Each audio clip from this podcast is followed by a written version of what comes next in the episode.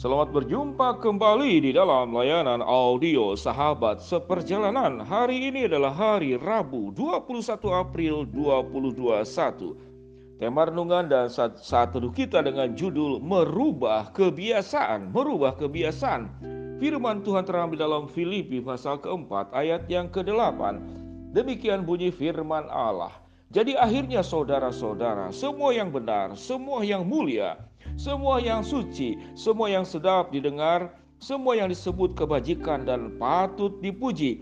Pikirkanlah semuanya itu. Mari kita berdoa. Bapa yang di dalam surga, kami ingin mengalami sebuah perubahan di dalam kehidupan, yaitu perubahan yang menjadi pribadi dan kehidupan yang semakin baik dari hari ke hari. Tatkala kami berubah menjadi semakin baik, maka kami sedang memberkati diri sendiri, memberkati orang terdekat dari kami, dan memberkati banyak orang karena hidup kami dipanggil adalah untuk memberkati bukan menjadi masalah. Di dalam nama Tuhan Yesus kami berdoa. Amin. Shalom sahabat seperjalanan yang dikasih Tuhan Apa rasanya waktu kita bertemu bergaul dengan orang yang punya kebiasaan buruk Bagaimana rasanya? Saya bertanya kepada seorang anak asuh saya Saya tanya kepada dia Kebiasaan buruk apa yang paling kamu tidak suka? Dia menjawab dalam bahasa Sunda, yaitu riweh. Riweh itu apa? Riweh itu kepo, kepo itu apa? Kepo itu riweh. Bagaimana menjelaskan? Artinya orang yang sibuk melakukan banyak hal, bicara banyak hal, berpikir banyak hal, mengungkapkan rasa yang banyak hal, tapi tidak ada gunanya, tidak ada tujuannya. Tidak ada katakanlah manfaat dan faedahnya. Apa kebiasaan buruk yang lain? Kebiasaan buruk lain itu adalah orang yang lebay, orang yang berlebihan, orang yang picky, terlalu memilih, sikap sombong, nyinyir, gosip, cerewet, apalagi pesimis, depresi, negatif thinking, paranoid, curigaan, tidak bisa beradaptasi. Saya berhadapan dengan orang yang tidak bisa beradaptasi, hampir saja orang itu saya turunkan.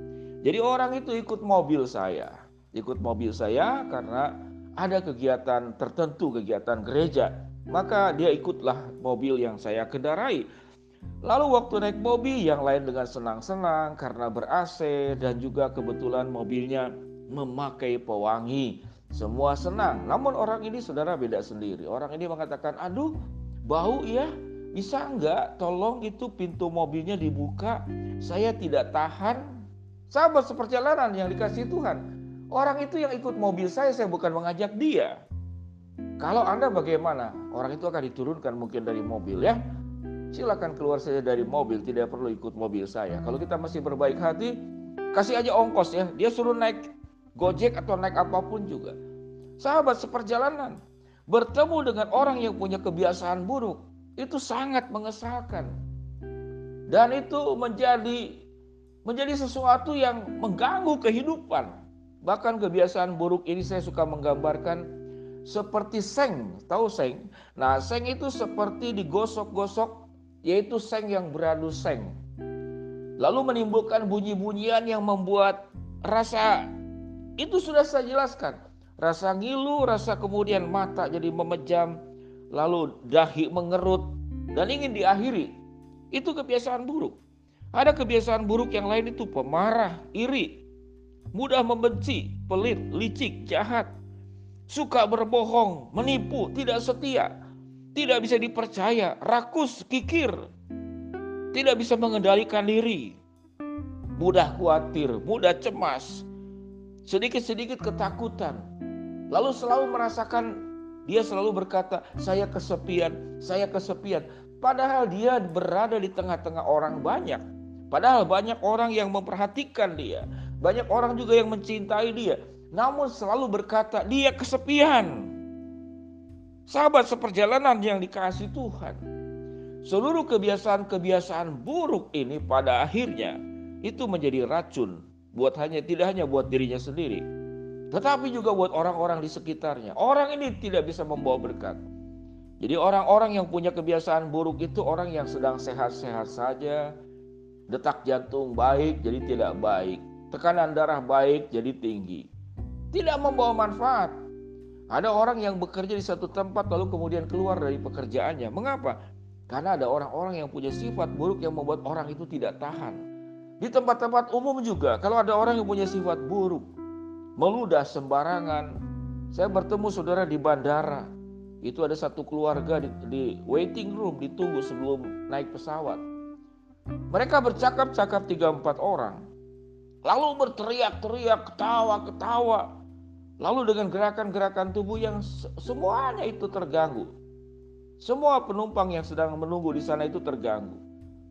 Dan kemudian orang menatap, melirik. Kalau orang itu sensitif, orang itu paham, tahu bagaimana bersosial, beradaptasi di tengah-tengah lingkungan masyarakat dan di public area, di tempat umum. Dia akan punya perasaan. Sehingga sahabat seperjalanan, orang yang punya kebiasaan buruk ini tidak bisa menempatkan diri, tidak bisa mengendalikan diri. Yang ada di dalam dirinya adalah insting, naluri, naluri katakanlah, naluri makhluk hidup seperti binatang.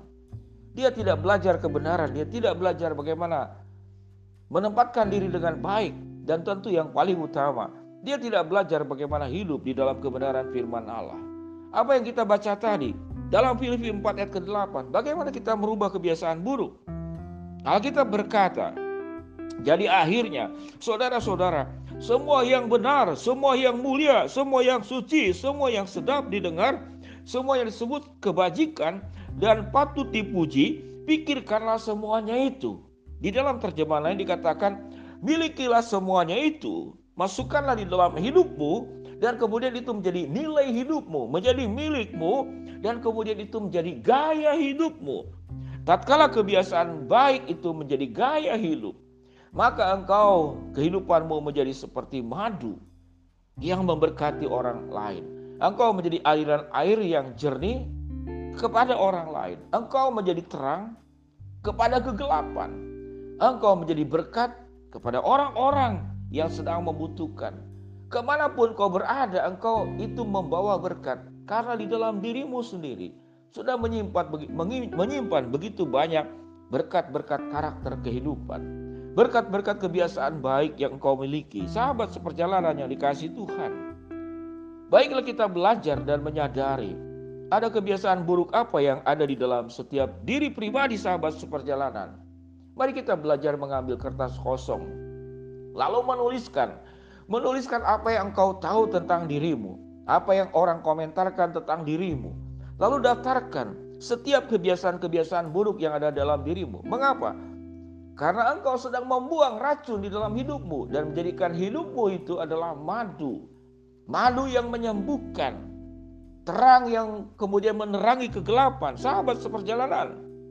Biarlah kita hari ini belajar berjuang untuk merubah kebiasaan. Bagaimana kebiasaan-kebiasaan buruk itu yang kita list, yang kita daftarkan. Jangan melis itu keinginan-keinginan, harapan-harapan, ingin handphone terbaru, ingin mobil, ingin rumah, itu hal yang indah. Ingin masa depan yang baik, ingin pendidikan, ingin segala macam silakan. Namun jarang manusia berjuang yaitu keinginan yang lebih mulia daripada yang disebutkan tadi. Keinginan-keinginan material, keinginan-keinginan yang bersifat ke kesukaan kita. Apakah kita berjuang punya sebuah cita-cita dan keinginan yaitu merubah kebiasaan buruk menjadi kebiasaan baik. Tatkala engkau sudah punya kebiasaan yang baik yang melekat di dalam dirimu, maka seluruh berkat-berkat yang lain itu akan mengalir dalam hidupmu. Firman Tuhan berkata, jadi akhirnya saudara-saudara semua yang benar, semua yang mulia, semua yang suci, semua yang sedap didengar, semua yang disebut kebajikan dan patut dipuji, pikirkanlah semuanya itu. Filipi 4 ayat yang ke-8. Marilah kita berjuang merubah kebiasaan buruk menjadi kebiasaan yang baik. Tuhan memberkati kita semua. Mari kita berdoa. Bapak yang di dalam surga mau berdoa buat sahabat seperjalanan yang sedang sakit di rumah sakit ataupun di rumah. Tuhan jamah, Tuhan sembuhkan buat sahabat seperjalanan yang sedang menghadapi kesulitan, tantangan, rintangan, dan problem dalam hidup ini. Tuhan bukakan jalan buat sahabat seperjalanan yang sedang berharap memohon sesuatu kepada Engkau. Tuhan akan kabulkan sesuai dengan waktu, rencana, dan kehendakmu. Di dalam nama Tuhan Yesus kami berdoa. Shalom sahabat seperjalanan, selamat beraktivitas hari ini. Dalam segala impian dan keinginanmu, masukkanlah agenda bahwa engkau mulai hari ini akan mengubah kebiasaan buruk menjadi kebiasaan baik. kebiasaan yang memuliakan Allah, memberkati dirimu, dan memberkati orang lain. Tuhan memberkati. Shalom.